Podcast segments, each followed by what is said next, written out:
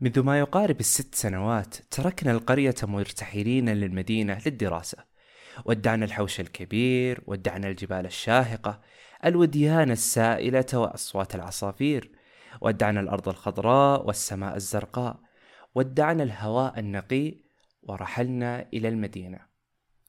وفي مجموعة وداعياتنا ودعنا بيوت الأصدقاء ومدرستنا القديمة وكل مكان كان لنا فيه ذكرى. ومن هذه الأماكن أصغر بقالة في القرية بقالة سمر مدير سمر مدير هندي الجنسية يعمل هنا منذ ما يقارب الأربعون عاما. غير اسمه كبار السن هنا إلى سمير. وحذفوا مدير الوظيفة التي كانت صك الرشوة له فكان يحب أن يقال له المدير سمير أكثر من سمر مدير. لقد كان صديقا لوالدي وكان يحبني أنا وأخي حبا شديدا. كان يكرمنا بالاستقبال الحار والهدايا حين ننجح. كان ينتظرنا إذا خرجنا من المدرسة. إذا تخلف أحدنا يسأل عنه الآخر. وقفت عند بابه ونظرت لمكتبه المرتسم في وسط البقالة. ومن خلفه مجموعة من الألعاب التي كانت مغرية جدا لي. وصورته مع بنته وابنه وصورة زوجته التي قد طمس وجهها احتراما لثقافة ودين المكان التي ترفض أن ترى وجه المرأة كاشفة الوجه. كان سمر مدير يعلق شهادات كثيرة لا أفهم لغتها، إلا أنها كانت تحبه ويحبها. كان يقرأها كلما شعر بالفراغ. نظرت لسمير وودعته، وحكيت له أن أيامي هنا انقضت، وجاء وقت الدراسة. نظر لي واحتضنني وطلب مني الانتظار وغاب برهة وعاد. عاد وفي يده حلويات ودفتر وقلم رصاص. طلب مني أن أستذكر عليهم. أمسك بكتفي وطلب مني أن أجتهد مثل رامبير. لا أعرف أحدا بهذا الاسم ولكن قلت له إن شاء الله. ودعني عند باب البقالة وطلب أن أطمنه عن نتائجي. لوحت له بيدي ورحلت. بعد ستة سنوات عدت. تخرجت من كلية الصيدلة. عدت للقرية. هل تعرف معنى أن تعود لمكان سكنت فيه عمرا؟ وغبت عنه فترة طويلة. في كل مكان في هذه القرية لي فيها ذكرى. الوادي والسباحة فيه بعد المطر. رائحة الحبق والنعناع. المزرعة ووقت الحصاد وتجميع الناضج من الخضروات. في هذا الشارع كنت ألعب مع أصدقائي. كل مكان هنا كان لي فيه ذكرى. دخلت للمنزل ووضعت حقيبتي. نويت المكوث هنا فترة من الزمان. أستعيد فيها الذكريات. أستعيد فيها ذاتي التي سلبتها المدينة. فسكان المدن مساكين. لا يعرفون حرية القرى. حرية النظر دون أن يرتد نظرك بسبب بيت أحدهم أو بسبب برج أو عمارة. أشيع بنظري إذ أمامي الأرض كلها متصلة بالسماء. هل تعرف هذا الشعور أيها المتمدن؟ ولأنني أريد الذكريات ولا شيء غيرها. مشيت البقالة. بقالة سمر مدير. إذ بالمكان أصبح أشبه بالمدينة. سمير الذي كنت أرى بقالته أكبر بقالة بالدنيا أصبحت أصغر بقالة بالقرية. دخلت عليه صباحا كان يرتدي نظارته المعهودة وأمامه كوب الشاهي الذي كان في الأصل كوب جبنة بالأصل والطحينية المعتادة والجريدة التي على الصفحة الرئيسية صورة رجل غاضب كالعادة. رفع عينه ونظر لي. أنزل الجريدة وأشار لي. وقال ابن سعيد هو هو واقترب حولي واحتضنني أجلسني على كرسيه الخشبي الذي كان يراه كالعرش وذهب لآخر البقالة لإحضار باقي الضيافة ونظرت لها نظرة الذكريات. لا شيء تغير هنا إلا أن صورة أبنائه اختفت. عاد وفي يده الحلوى التي كنت أحبها.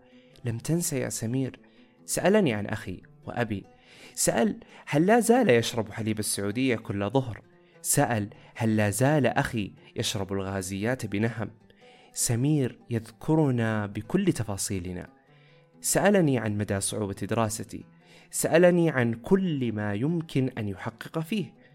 ضحك بصوت عالي وقال كم كان يحب أن يشاهدنا. ساد الصمت دقيقة وسألته السؤال الذي دار بعقلي. سمير أين صورة أبنائك؟ نظر الأرض وسالت دمعته. لحظتها تذكرت قول أخي لي أنت إنسان. اسمع وارحل. لا تعش دور المذيع وتتعمق بالحديث مع كل الخلق. ليتني أنصت لك يا أخي لكن سبق السيف العدل نظر لي وقال هل لك وقت لي؟ ابتسمت وقلت طبعا يا سمير.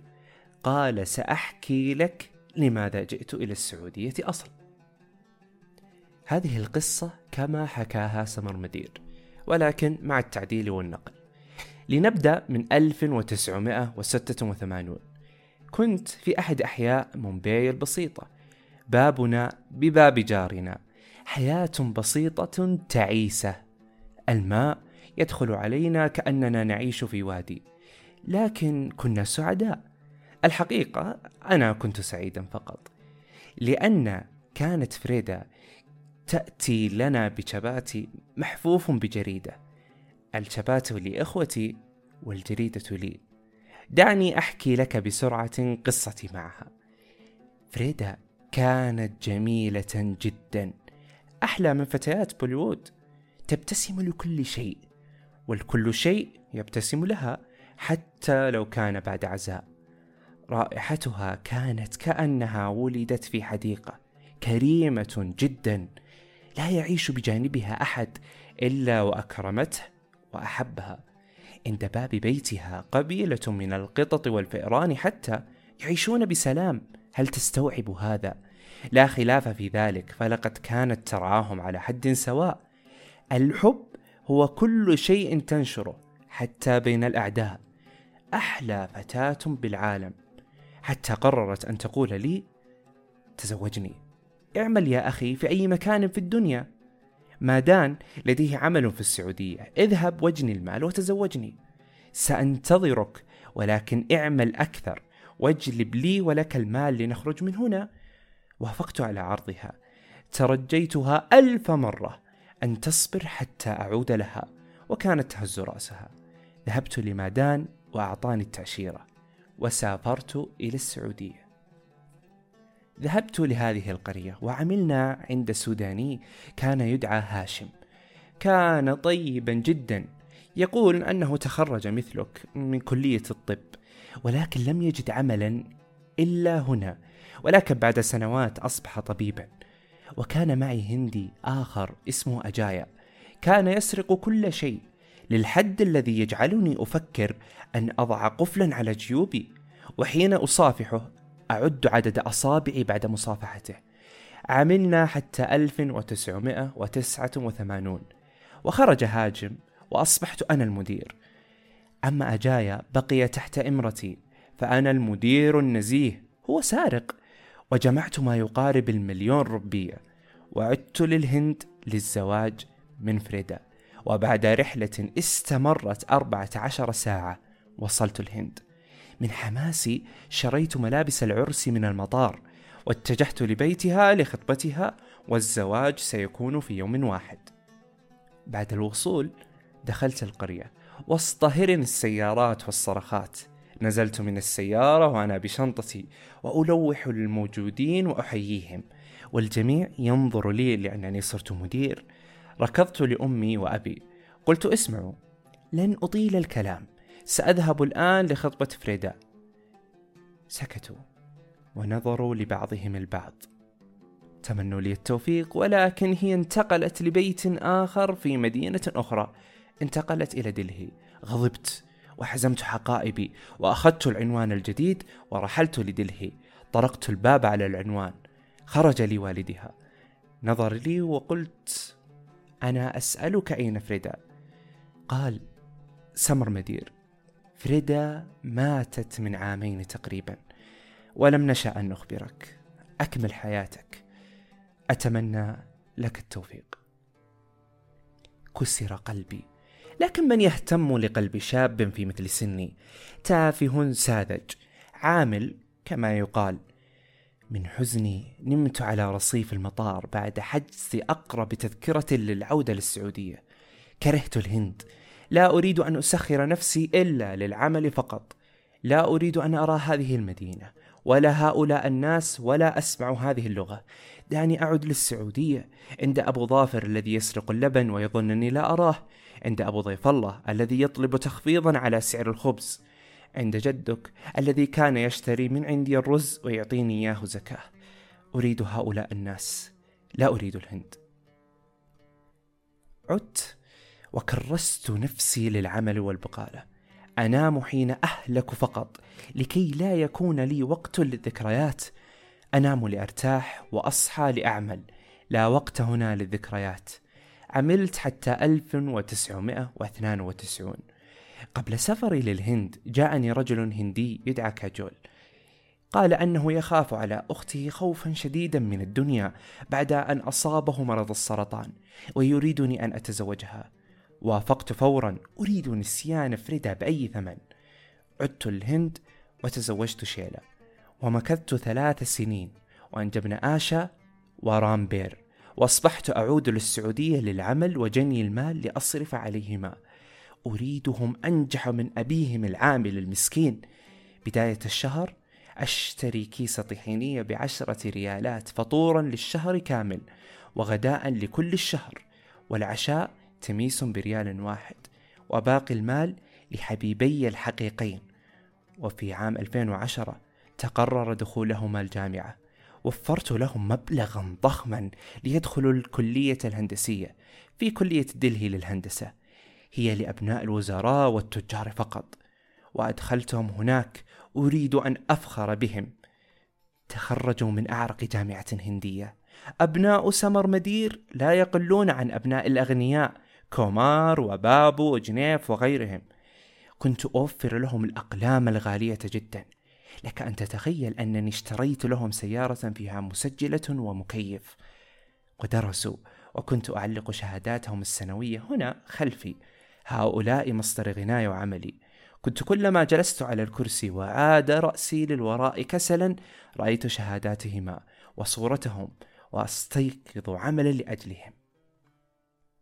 في عام 2016 عدت للهند بعد دعوتي منهما لحضور حفل تخرجهما. اشتريت لباسا غاليا بما يقارب الخمسون ألف ربية للحضور مع ابني المهندسين. دخلنا الكلية وعدد الحضور قليل جدا فالخريجون قليل فأولاد الأغنياء أحيانا أغبياء. يصعب عليهم الاجتهاد في الدراسة ولكن يسهل عليهم الاجتهاد في الخطأ. المهم لأنهم عنصريون أجلسونا في الأخير لكن هذا لا يهمني أبدا. الكل هنا يحمل في رصيده مليارات من الربيات ولكن بجانبه ولد واحد نجح بعد رشاوي وسنوات من الرسوب. أما أنا في رصيدي ربيات معدودة ولكن معي اثنان بنت وولد أذكى من الذين في القاعة كلهم. بدأ التكريم وقبل اسم ولدي نادوا على فيان ابن التاجر زاران وقف أبوه معه بمنظر كنت أتخيل أنني هناك وأضحك. قال التاجر أن الفضل ليس لي بل لأمه الدكتورة فريدا. ماذا؟ تشابه أسماء. أرجوك قل هذا. بل إنها هي بشامتها التي على وجهها وتسريحة شعرها أعرفها من بين ألف امرأة. وقفت على المسرح وأنا وقفت بالمدرج. هي فريدا. نعم إنها هي. وقفوا من بالمسرح معي وصفقوا لها. ظنوا أنني وقفت لها. ألم أقل لك أنهم أغبياء؟ وقفت أنا من الصدمة وهؤلاء لأنهم يقلدوني. أمسكت ابنتي وولدي بكتفي وقالوا لي الدكتورة فريدا كانت تحبنا حبا شديدا كانت تهتم فينا أكثر من غيرنا. وقالت بنتي كانت تقول لي قلي لأبوك بعض الأحيان نضطر لإدعاء الموت لنستطيع ادعاء الحياة فمن يذوق المر دوما؟ لو ذاق فتات السكر لأغرم به أما أنا فقد رأيت القصب كله.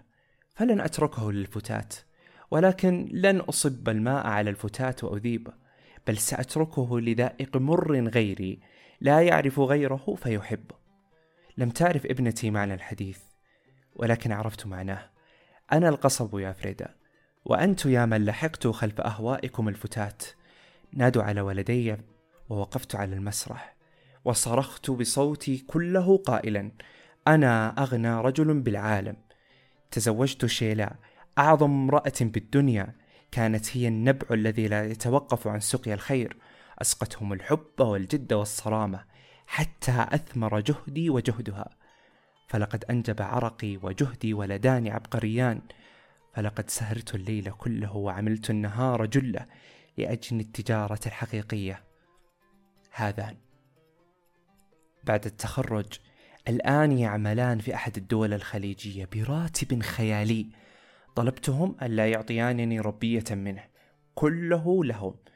وسبب نزعي لصورتهما من مكتبي هذا لأن لا يوجد إنسان في الدنيا يضع رصيده أمام الناس. كل شيء حسن في حياتك حاول إخفاؤه عن الناس. مالك وعملك الصالح وكل خير قمت به. لا تجعل الناس ترى إلا الصلاح والورع منك وفي باطنك خير كثير المهم يا بني هؤلاء سبب غناي الحقيقي تعبت على من يستحق التعب الأبناء الصالحين هم الرصيد الذي لا ينقص ما الفائدة من ملايين البنوك وفقر البيوت؟ ما الفائدة أن نستثمر أموال الناس ولا نستثمر فيما أعطانا الله؟ كل من بالمدينة هذه لا يملكان ولدان مهندسان. أنا فقط من أملك. أملك أصغر بقالة بالمدينة وأملك أكبر تجارة بالعالم. شكرا لاستماعكم. الحلقة كانت من كتابة فيصل العمر والإعداد والتقديم. الحلقة ستكون كاملة موجودة على المدونة الخاصة بي في التفاصيل. في حال عجبتكم الحلقة أعطوني رأيكم في التعليقات أو على تويتر أو الإنستغرام. شكرا لكم مجددا.